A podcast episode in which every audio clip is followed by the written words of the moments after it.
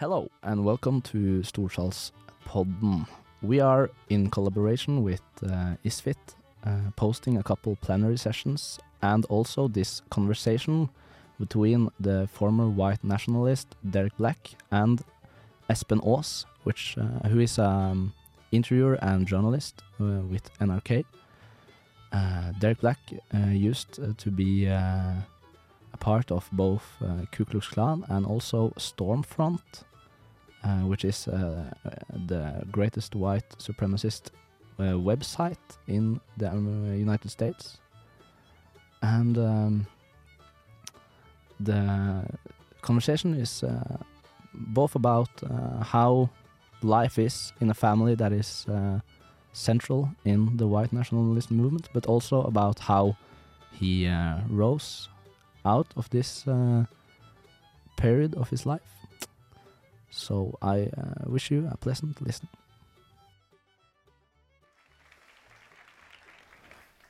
Yes, I've been trying to imagine growing up in a family where I have to reject all the views I've been taught all my life, which I suppose is where you started, uh, Derek.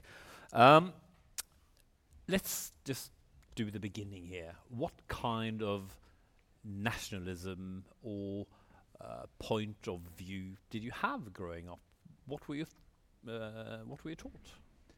Yeah, so by the time that I was born, my both of my parents and their larger community had already spent 40 years trying to build the white nationalist movement. And they had done that from the point when they were late teenagers. And so I was born sort of late in their life. And uh, by the time that I was growing up, they had already had most of their history behind them. And leaders were coming over to the house. And I, I sort of grew up at the feeling like I was at the nexus of that. And so the core beliefs of white nationalism are that races are how humanity is divided up and that it has some sort of biological reality to it and that it has a predictive reality that it predicts behavior and criminality and intelligence and all these sort of inferior and superior sort of qualities even though they would claim that they weren't a supremacist movement. They would claim that they were just a, a separatist movement. And I don't think that it is possible to talk about white nationalism, even though it's a, a white power racist movement, without talking about anti Semitism, mm. because uh, it sometimes gets lost when we're talking about issues like immigration or, or racism in, in European or American societies. But the white nationalist movement itself is centrally motivated by a belief in an anti Semitic world global conspiracy theory that all Jewish people are involved in a global movement to promote immigration into United States and Europe and Australia and to promote in the media sort of anti-racist ideas, uh, telling people that they don't need to uh, advocate for white power in the way that colonial societies used to. Uh, and white nationalism, while it's motivated on these sort of racist ideas, just cannot even function. You can't understand how it organizes itself without understanding how central anti Semitism mm. is to it. Did you at any point ask yourself, is this really so? I mean, you didn't grow up in an isolated island. I mean, you had society around you. Yeah, I, I, grew up in South Florida, which is one of the more racially and religiously diverse parts of the United States. And so for me, that actually uh, maybe counterintuitive, like ironically or counterintuitively, as I grew up, made me feel more confident in white nationalism because I could say, oh, you know, I don't believe this because I'm isolated. People would come in, and journalists started uh, talking to me when I was 11 years old. They would be coming to visit my dad and over time, I asked, you know, can I participate in this? Because I believe this too, you know, when I was 11 years old. And can I talk to these journalists? And they would, you know, some of these people would say, like, you know, you, you seem very, you know, isolated from the world. You're yeah. told what to think by your family. And I felt like I could respond, you know, I live in one of the most diverse places in the United States. I clearly see multiculturalism around me. And so my opinion is, you know, more valid because of that. And that was something I believed all through my teen years when I was uh, becoming more and more of a, a, convicted advocate for white nationalism. It, it felt sort of like I could divide my life up into the parts of it that were spent building a website for kids on my dad's website, which was the first white power website in, in the world, and that I could at the same time have another part of my life that was all about everything else, like Mm. hobbies and academics and sports and anything else. And if somebody asked me about it, or they asked me about how they had seen me on TV, you know, saying something uh, about white supremacy, I just make it pretty clear, you know, I don't really want to talk about it. And for the most part, that that worked. Like they would just say, okay, and then we would talk about something we had in common, and that was. Uh, that was my life really up until I was about 18 or 19 years Yeah. old. So it all made sense in a way. Yeah, I thought we had all the answers. Like I thought not only was I rationally and logically right, but uh, I'd been sort of revealed how the world really worked, and we were the only ones who like knew exactly how the world worked, and we were trying to build a movement and bring people into it to understand the way we understood things. And then growing up in this place, diverse, as you say, um, interacting with black people, Jewish people, whatnot, did that make um, make any meaning to you? Did you think about I'm different because I'm white, or, or how did this mindset work? The way I always rationalized that discordance was that on an individual level, I could be friends with anyone that race or culture, religion, or whatever never predicted something about people individually. I could be friends with somebody. I could. I, I didn't want to be someone who closed myself off. Right. I had been told my whole life that I was uh, in this echo chamber and isolated. And the thing about echo chambers and being isolated is not that one small piece of of uh, you know contradictory information shatters it. It's that you learn very well how to challenge any sorts of conflicting information. And so the way I did that was by understanding like I can be friends with anyone, and on an individual basis, uh, it's not going to tell me anything about them. I can learn about them. I can be close to them. Uh, and I can still at the same time believe that when we're talking about millions of people or billions of people, they're like, oh, that's where white nationalism works. And, and that was just how I, how I resolved that problem. Of So, like so not on an life individual level, but rather on the mass level Yeah. or a Right. community level as such. Um, I mean, both of your parents uh, have um, links, uh, one or the other, with the Ku Klux Klan uh, movement, uh, which is often portrayed as something very violent uh, in, in documentaries and films uh, and whatnot. Um, but did you experience at any point that uh, you belonged to a kind of a violent uh, movement of any sorts? I think it was always on the outskirts. It was explicitly uh, condemned. My family would always explicitly condemn uh, terrorist actions that were done in the name of white nationalism. They would deny any sort of accountability or responsibility and say because well we you know we had explicitly condemned violence and so if a person commits violence and believing everything that we believe there's no responsibility there's no accountability there. And it was almost like a routine because mass attacks would happen regularly. And they weren't called by white nationalist organizations but they were people who believed in white nationalism who would see a movement that had identified who the enemy was Mm. who believed in world conspiracies and then they would very predictably come to these sort of violent attacks and yet my family could watch them and could then go through a kind of procedure. The, the process would always be to check whether Stormfront, the website that my dad had founded, whether this person, you know, was a member, whether they were a participant in the community, and so there would be some more explaining or, or sort of accountability, or whether maybe they, you know, they had been banned already for advocating violence, and so then, then he could say, absolutely, we have no, like, we, we're just aghast, just as aghast as you are, and it was this sort of like procedure, just every once a year, once every couple of years, just trying to answer to the media, maybe not talk about it for a while. And the sort of spaces that I went to it was all it was never present. It was these kind of conferences around the country that were pretty genteel. Uh, people would wear suits. They would have registration fees. There would be a big banquet dinner, and it would be held in a uh, hotel conference center. There were lecturers who were tenured professors at universities who would come and give these sort of talks uh, about racial essentialism that was not accurate, but gave this sense that they had facts on their side, that this was a movement not based on feeling, but based on you know having real, real ideas. And so growing up in it, I, I always heard the violence. I always knew the violence was so right outside of our reach, but it wasn't something that, for the most part, except in very rare moments, ever like actually came into my life. Hmm. Even though the website that your father created definitely draw Right. people with very violent ideas uh, to it. His explanation for that was always that the characterization of the movement was as a violent movement, and so therefore, people, crazy people who were already violent, would be attracted to it. Right.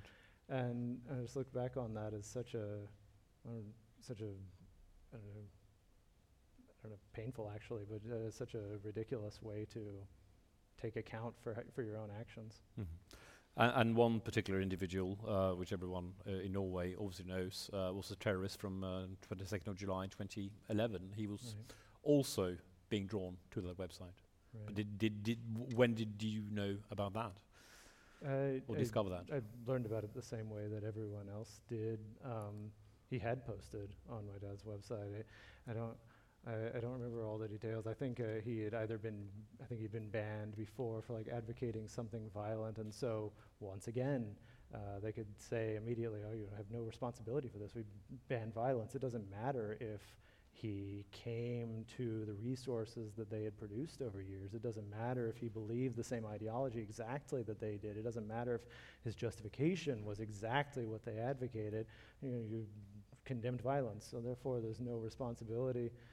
And then they would rapidly, quickly pivot to saying, well, you know, but, but the real issue is, you know, immigration. The real issue is all the things that white nationalists believe. Maybe, be- and looking back on it, that, that, that moment happened actually when I was sort of in a crux point for myself that I had, I had gone to college, I had run for office, um, I believed white nationalists. I ran as a white nationalist when I was 19 years old, uh, became sort of a national figure doing that, and had gone to a, univer- a small university, 700 students, where people were very invested in social justice. I'd gotten to know people, I had studied abroad, and then I'd been outed while I was away because I hadn't told anybody about my background. And I was coming back to the campus, to this place where I had gotten to know people who had felt deeply betrayed when they learned so much about me that I hadn't shared with them.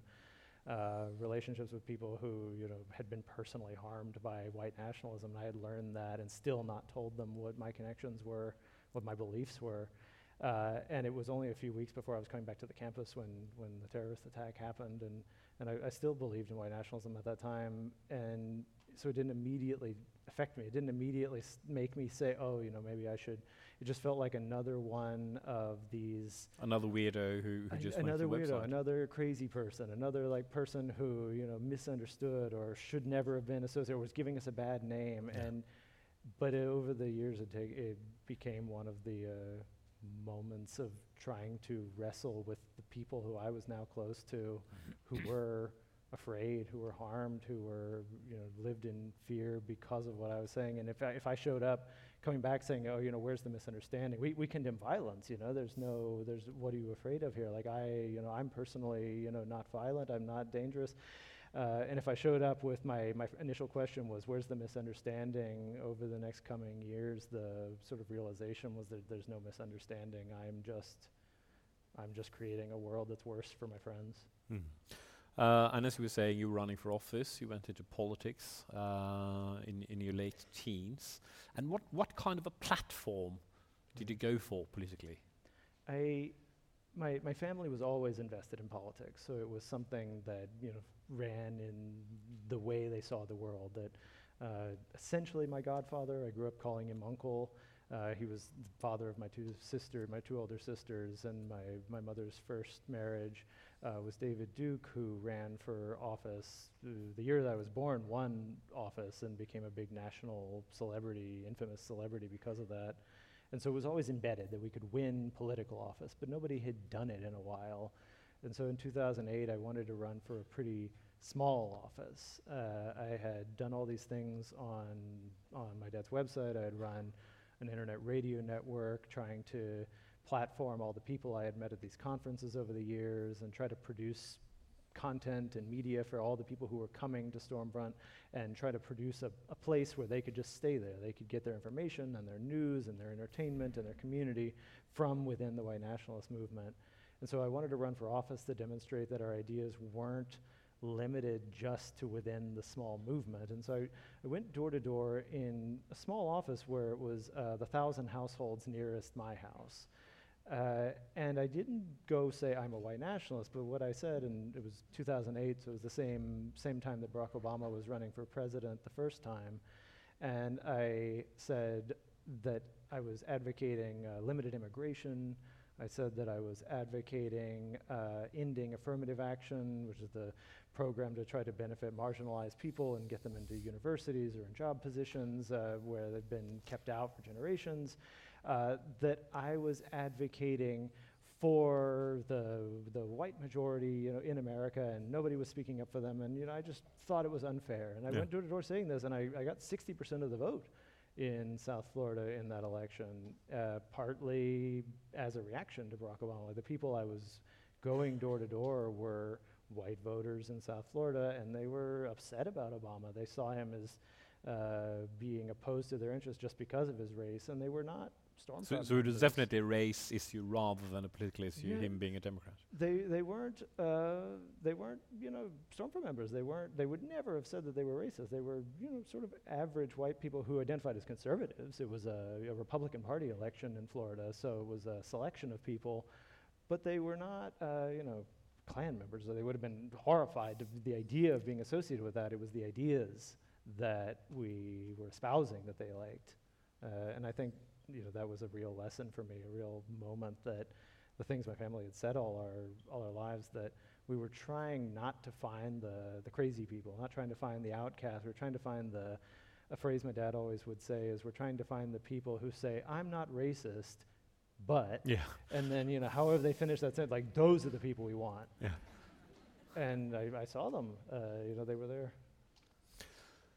But still, I mean, I need to ask you. I mean, because if you look into history, everything in the past that has anything to do with nationalism has always, at some point, come to dividing races, uh, one race being looked at as above the other. Um, but you still, as a young man, firmly believe that going into politics, this would be something different. It, had, it didn't have anything to do with like the history of white nationalism. So I, I, I these days I, I look back on it, and you know, I, I have a different perspective on my whole experience. I think uh, I now I sort of look back on the fact that I was deeply committed to the community that I grew up in. I was deeply committed to all of these people I knew who were so afraid of the future, who were so absolutely convinced that the world didn't have any space for them, that they were the ones defending themselves, that they were the ones afraid, like that all of this discussion about white privilege was ridiculous. I, it was it was the space that I was around, and it was the people I cared about, and I and I that's my explanation for Yeah. it now. But personally, my rationalization was always just to genuinely believe what white nationalist spokesmen would say that it wasn't about uh, superiority or supremacy. It was about uh, that everybody would just be happier, you know, if they were separate. Like uh, they would really say these sort of things, and uh, they would point to you to what cafeteria lunch counters and people separating themselves in a room. And not even for a second wonder, you know, is that because people are, you know, worried about racism and so they're trying to, you know, s- you know, shield themselves from it? They would just say, oh, you know, everybody's happier when Being they're divided. separated into Yeah. these groups that they all inherently recognize and understand. And sometimes it's, it's hard for me to even, you know, Mm. recognize it when I look back on it. But um, I think the, the, the, the two lessons are that there's, you know, there's two worlds, you know, there's the world of people who believe that in a more subtle way, and there's the world of people who come into and look for a community of people who are going to reaffirm that. Mm. Uh, you know, there- there's there's one thing to sort of live your life, maybe getting having it pushed back on by your relatives or your friends, and then then there's another to sort of break from them go into a movement where nobody's ever going to criticize you again. Nobody's ever going to say that what you believe is a, is a racist or, or a prejudicial thought, and you can spend the rest of your life in a community that's always going to reaffirm your worst assumptions about people and reaffirm every fear you have. And that's the difference between the white nationalist movement and the more mainstream Mm. society that fundamentally believes a lot of the same things but does not amplify them in the same way and does not base their lives around around trying to find new people and trying to trying to make people act on those actions, Mhm. act on those beliefs. Yeah, but was it also um, a sort of a, uh consent to that things were really going the wrong way since I don't know the, the 50s, the 60s, when it was so many movements going on for equality, and then, my God, ending up with a black president uh, then uh, 50 years later.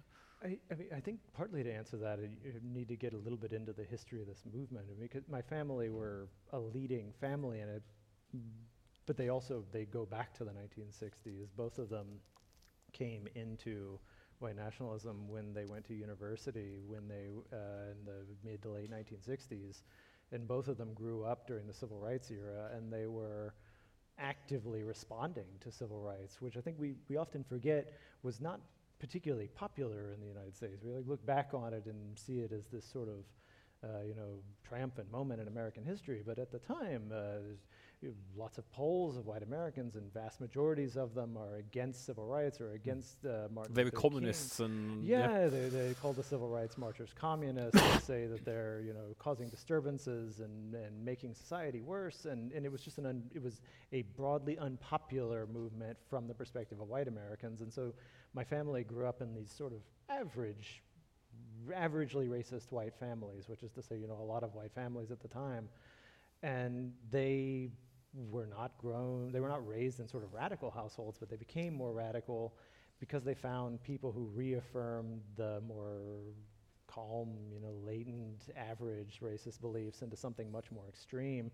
And, and when they came into it, the movement, as it sort of exists now, had already begun in the late 1950s, early 60s as uh, the, Ameri- the uh, American Nazi Party.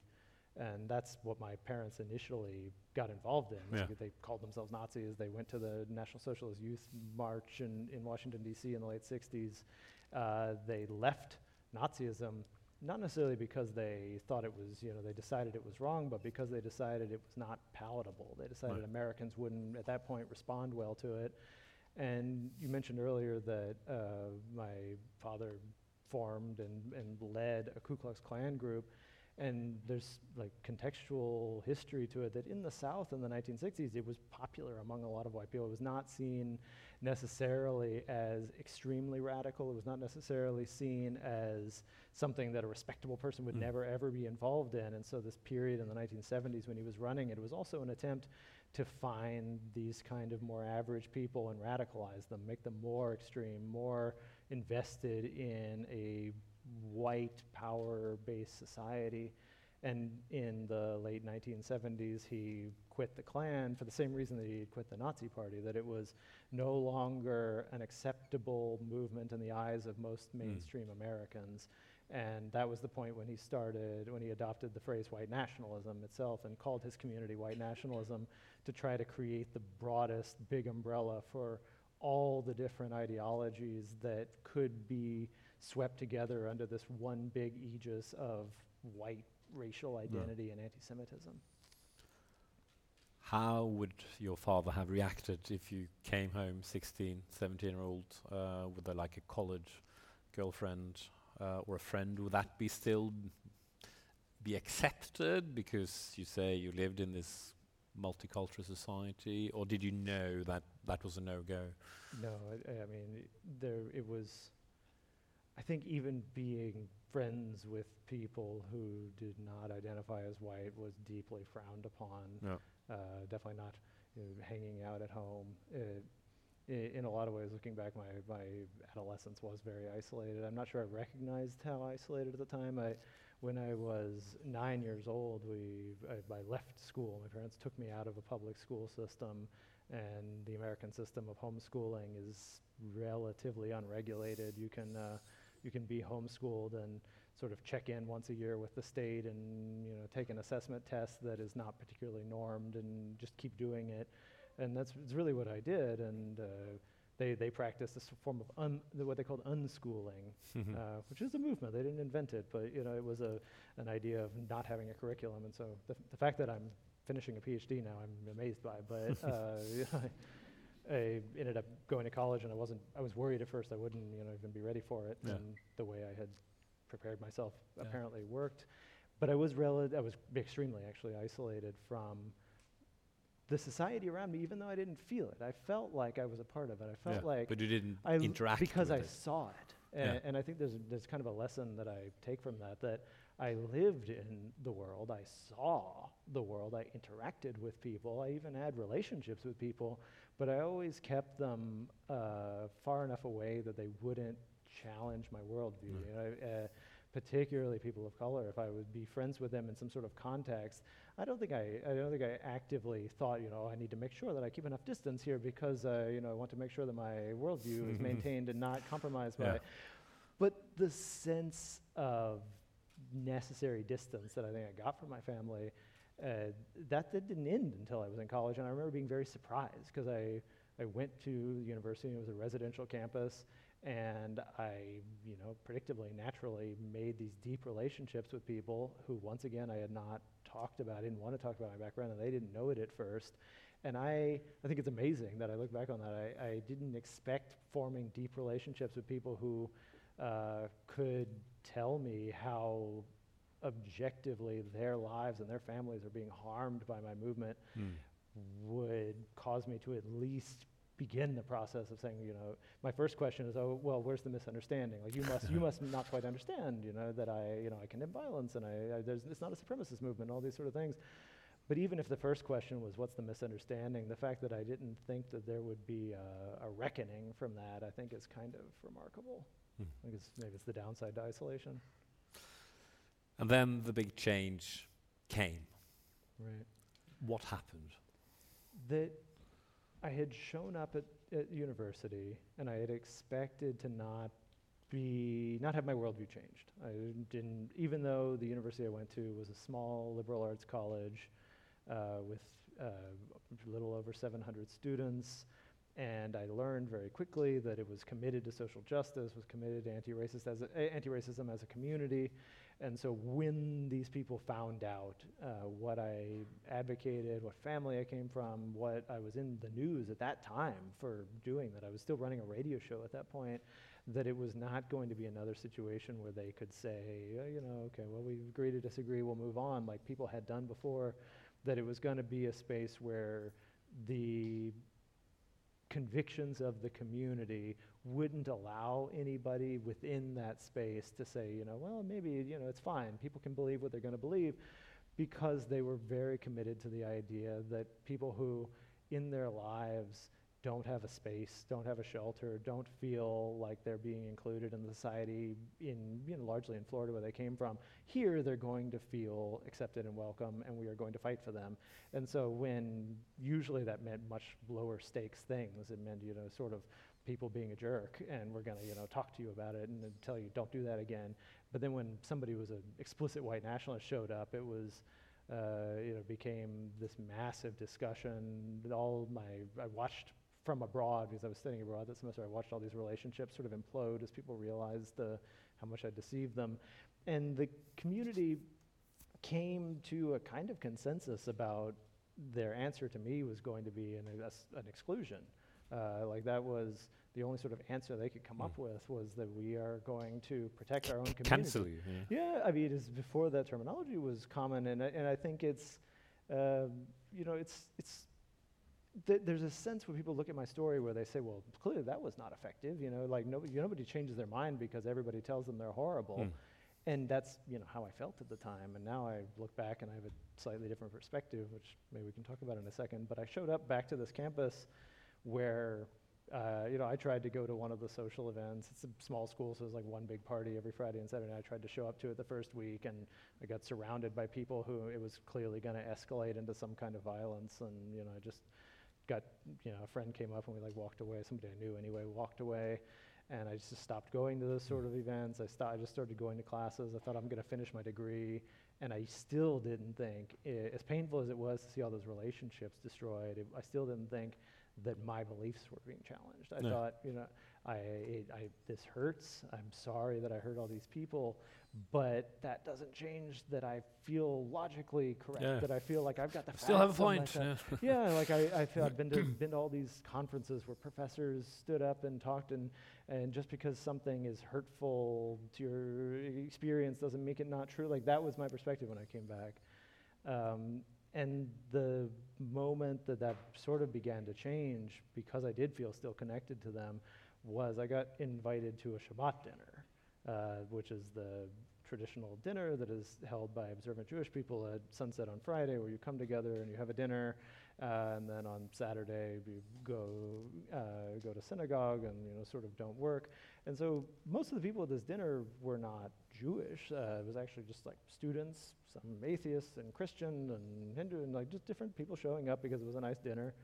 And it was a relationship with a person who I knew a little bit. Uh, we had traded a study guide before I left, and we knew we had each other's numbers, but we weren't that close. So he didn't feel quite as betrayed as other people did. He just like, you know, I kind of know you, and wow, this is crazy, you know, was his reaction. And he told everybody at the dinner to not talk about it. He, I learned later, he specifically instructed them not to discuss anything about me, to just pretend like they never heard anything about it. Uh, and I showed up, and I expected a big fight, and I didn't get one. We talked about class, you know, our coursework. We talked about talked about I don't know events in town. Talked about university stuff, and I knew that they knew everything about this, and they knew, and we just didn't address it.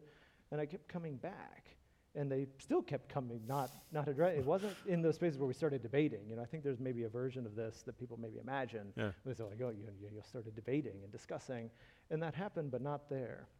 It happened through people I met there. Um, and I always want to be clear about how that went, right? That it was uh, formative to be invited to those dinners, even though the dinners weren't the, the debate points, and I'm not sure they could have been. That instead it was people I met there. Some of the people we'd go privately talk, and they would say, you know, you want to talk about this? You know, we Mhm. hang out every week. Do you want to discuss this? And I'd usually say no. Yeah. I'd usually say, like, I don't want to debate this with you. I like going to these dinners. I think I'm right, and you think you're right, and I don't. We're not going to. We're just going to become enemies. I don't want to, you know, do this. Um, and there was one person who I have uh, learned it is appropriate at this moment to disclose is now my wife. But there was there was one person who uh, was close with uh, Matthew, who invited me to the Shabbat dinners. Who uh, she initially boycotted them. Uh, she stopped coming. She was uh, an attendee to these dinners, and she stopped coming because she agreed with the campus consensus that we should not be a space that welcomes a white supremacist. Uh, that we, if we are going to stand up for students of color and Jewish students and say that this is a campus that is an ideal version where we people would not feel excluded, we're not going to make somebody feel comfortable who is against that view. Um, and she begrudgingly kind of realized that I was not actually discussing my beliefs with anyone on campus. I was just coming to class, leaving and going home off campus, and coming to these dinners, uh, coming to these dinners. And so she talked to some of her friends and said, like, do you, people who knew me, like, do you think this is like safe? You know, is this a wise choice? Should I talk to him? And they was like, oh yeah, he's he's safe. He's you know he's a chill dude. You know, you can go hang out. Non-violent. Yeah. right, right, like that sort of thing. Which is, I mean, I don't want to downplay that, but like that was, I think it's also an important thing to point out. Like her conversation was like, is this, you know, is this stupid? And they said, I, mean, no, it's not stupid. Um, and we know you're not going to be convinced. And so she could ask me. And her initial conversation was just to kind of go in private and say, could you, I, it doesn't make sense to me. You come to these dinners and yet you're supposed to be anti-Semitic and you believe this. You come to these dinners and most of the people here are not white and you say and you're friends with them but you're supposed to be a white supremacist and you s- you you know you believe these things how do you possibly square that stuff could you just and maybe a little bit more you know gracious sounding than that but like could you explain to me what it is you believe and so i discovered that time because we were in a very private place. She had found this like part of one of the campus buildings that if you kind of climbed up the scaffolding, you could sort of illegally get on the roof, and her friends would go up there, and so she showed me this like secret spot, and we you know looked down on the square and so and had this conversation where nobody else could hear, um, where it was private, where wa- I wasn't trying to win a debate in front of someone, I wasn't talking to a journalist trying to advocate for my movement, I was just realizing in the moment that I'm explaining what I believe without an agenda to somebody who I can't persuade. I'm not going to change your mind. You're you're committed to something totally different, and all I'm doing is trying to explain why do I believe this. And she heard the key thing she heard was that I thought I had facts and reasons behind it. It wasn't like, oh, I just feel this way. It was that I think I have, you know, IQ statistics and Yeah. genetics and crime statistics, all these like race things um, that I guess also maybe a key issue. I had moved away from anti-Semitism at that point for Mm. other reasons. It just, for whatever reason, didn't feel as it felt very strange to me pretty early. Just a lot of it is based in Holocaust denial, and I was studying history, and it was just how in the world does anybody, f- you know, take that for what it is? That that Yeah, was the part that yeah. seemed crazy to me first, but uh, so it was really about deconstructing this idea of race and racism, and it became years. Like we did this for almost three years. Of I would say we'd come back. And I would say, you know, here's IQ statistics. We all believe this. I mean, IQ is based in race. And then she would do the research and come back and give me articles showing how we're just like misusing statistics. This is IQ is not tied to race. You know, these things are not tied, and go over this bit by bit until all these tools that I thought were rational weren't supporting my movement. And we'd interlace this with conversations that were really directly confronting the relationships, the fact that it's not a misunderstanding. Like if you're the violence that comes out of this movement is so concrete and so real that there is no misunderstanding for somebody to be afraid of me being on this campus. And so, what's my responsibility? Yeah. And all and and you were then a young adult, Yeah, uh, and you 21, 22. and and you lived not a long life, but you you grown up in in one belief, and now you had to turn this around. Mm. And and and how did you have the first conversation with your parents? I, I still feel bad about it. I hadn't, I don't think I had the words, but they knew that I was becoming less involved over these years. Like I had shown it by, I wasn't posting, I wasn't showing up to this radio show that I had founded that my dad became the host of. I wasn't coming to events, but they didn't realize just because I was away from home, like how how strongly I was turning against it. And so the first thing that they actually heard was when I decided I needed to publicly condemn white nationalism, that I, I got to a point where I knew it was wrong, I knew it was factually wrong, morally wrong, but I just wanted to not say anything. I Mm. wanted to just disappear and not have anybody like look at me for these things that I felt very ashamed of. Uh, and it was, you know, a fi- it felt to me like a final decision that I need to write a public letter saying, here's what white nationalists believe, here's what I have grown up believing, uh, here is how I don't, what, what, what I don't believe about it, here's why I don't believe it, and I am trying to um, take responsibility and sort of push back against the harm I've caused to all these people.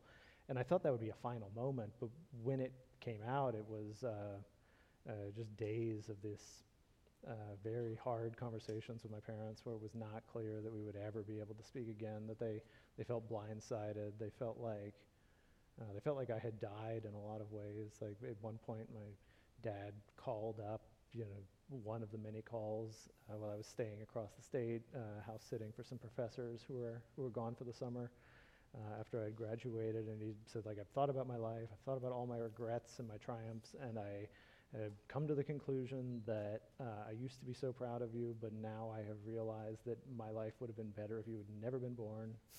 Like, and uh, you know, he hung up and he called back a few minutes later and said, uh, I regret that. That's not true. Um, but this is painful. Yeah. And then he hung up again. And we, we sort of continued with that kind of conversation for days, and it was just, uh, it just like tragic. It, ultimately, he and my mother came to this conclusion that they want to have some kind of connection. Yeah. And you know, it's been 10 years since then. But they still believe now what they Yeah, used to believe no, then. they, Yeah. yeah. if anything, I think they're a little bit more hardline than they once were. they they feel a little bit vindicated by the direction of some parts of society, and they're also older than they were, and I think all of that is mixed together to make them at least as committed as they ever were. And know, the fact that we've been able to stay in touch, particularly, I spent several years after that just thinking I'm not going to speak again. Mm. I'm not going to ever talk about this stuff ever again. Um, and I think it sounds a little bit cliche, but uh, that changed for me when I saw how directly this movement I came came out of was involved in the the early part of the Trump campaign. Like there were there were people from the white nationalist movement who were volunteering and working with it. There were uh, messages that were coming out in the early speeches There were things that ideas that I had promoted within white nationalism that were never in mainstream politics mm. before, mm. and so I. Uh, and, and, now it's there, and that's where I want to end because uh, yeah. time is running out now. I'm afraid. Uh, remember that when you come to your uh, questions later on, because that's that's the big question now in 2023. American politics, what used to be something you did locally, where is it now? and, and, and, and how far away from power is it now?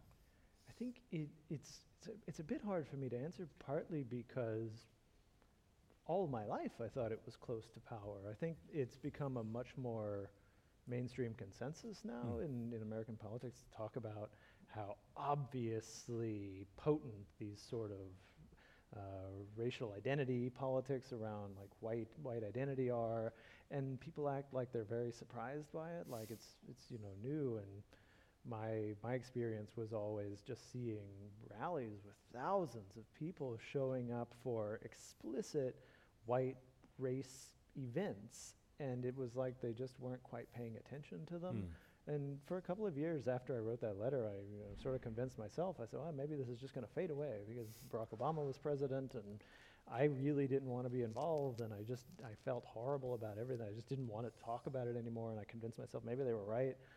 Uh, and so clearly there is a, a cresting moment. Uh, there is more direct investment and a lot less shame around being directly connected to the things, things that for a long time only a white nationalist would feel comfortable saying publicly. You'll see them in mainstream political yeah. speeches now, and people have become sort of um, comfortable with it. Things about immigration, things about uh, uh, you know racial privilege, talking about like white people being discriminated against, and these things that are just really factually, socially untrue and wild to say.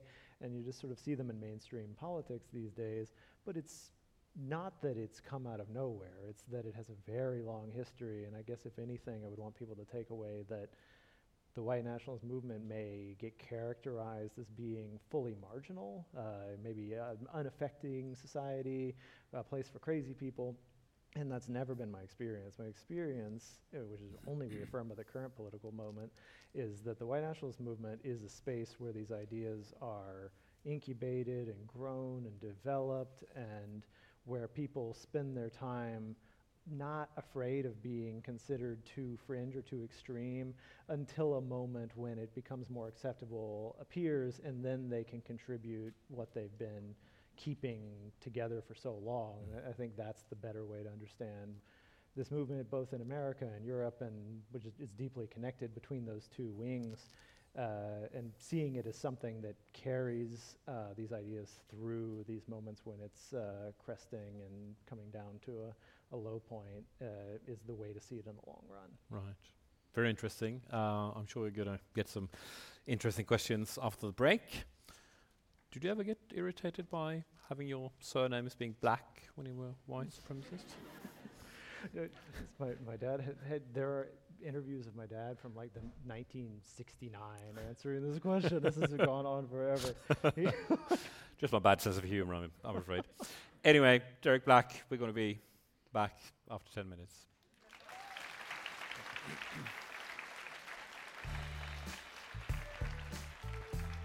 Du har lyttet til en podkast på Radio Revolt, studentradioen i Trondheim. Sjekk ut flere programmer på radiorevolt.no.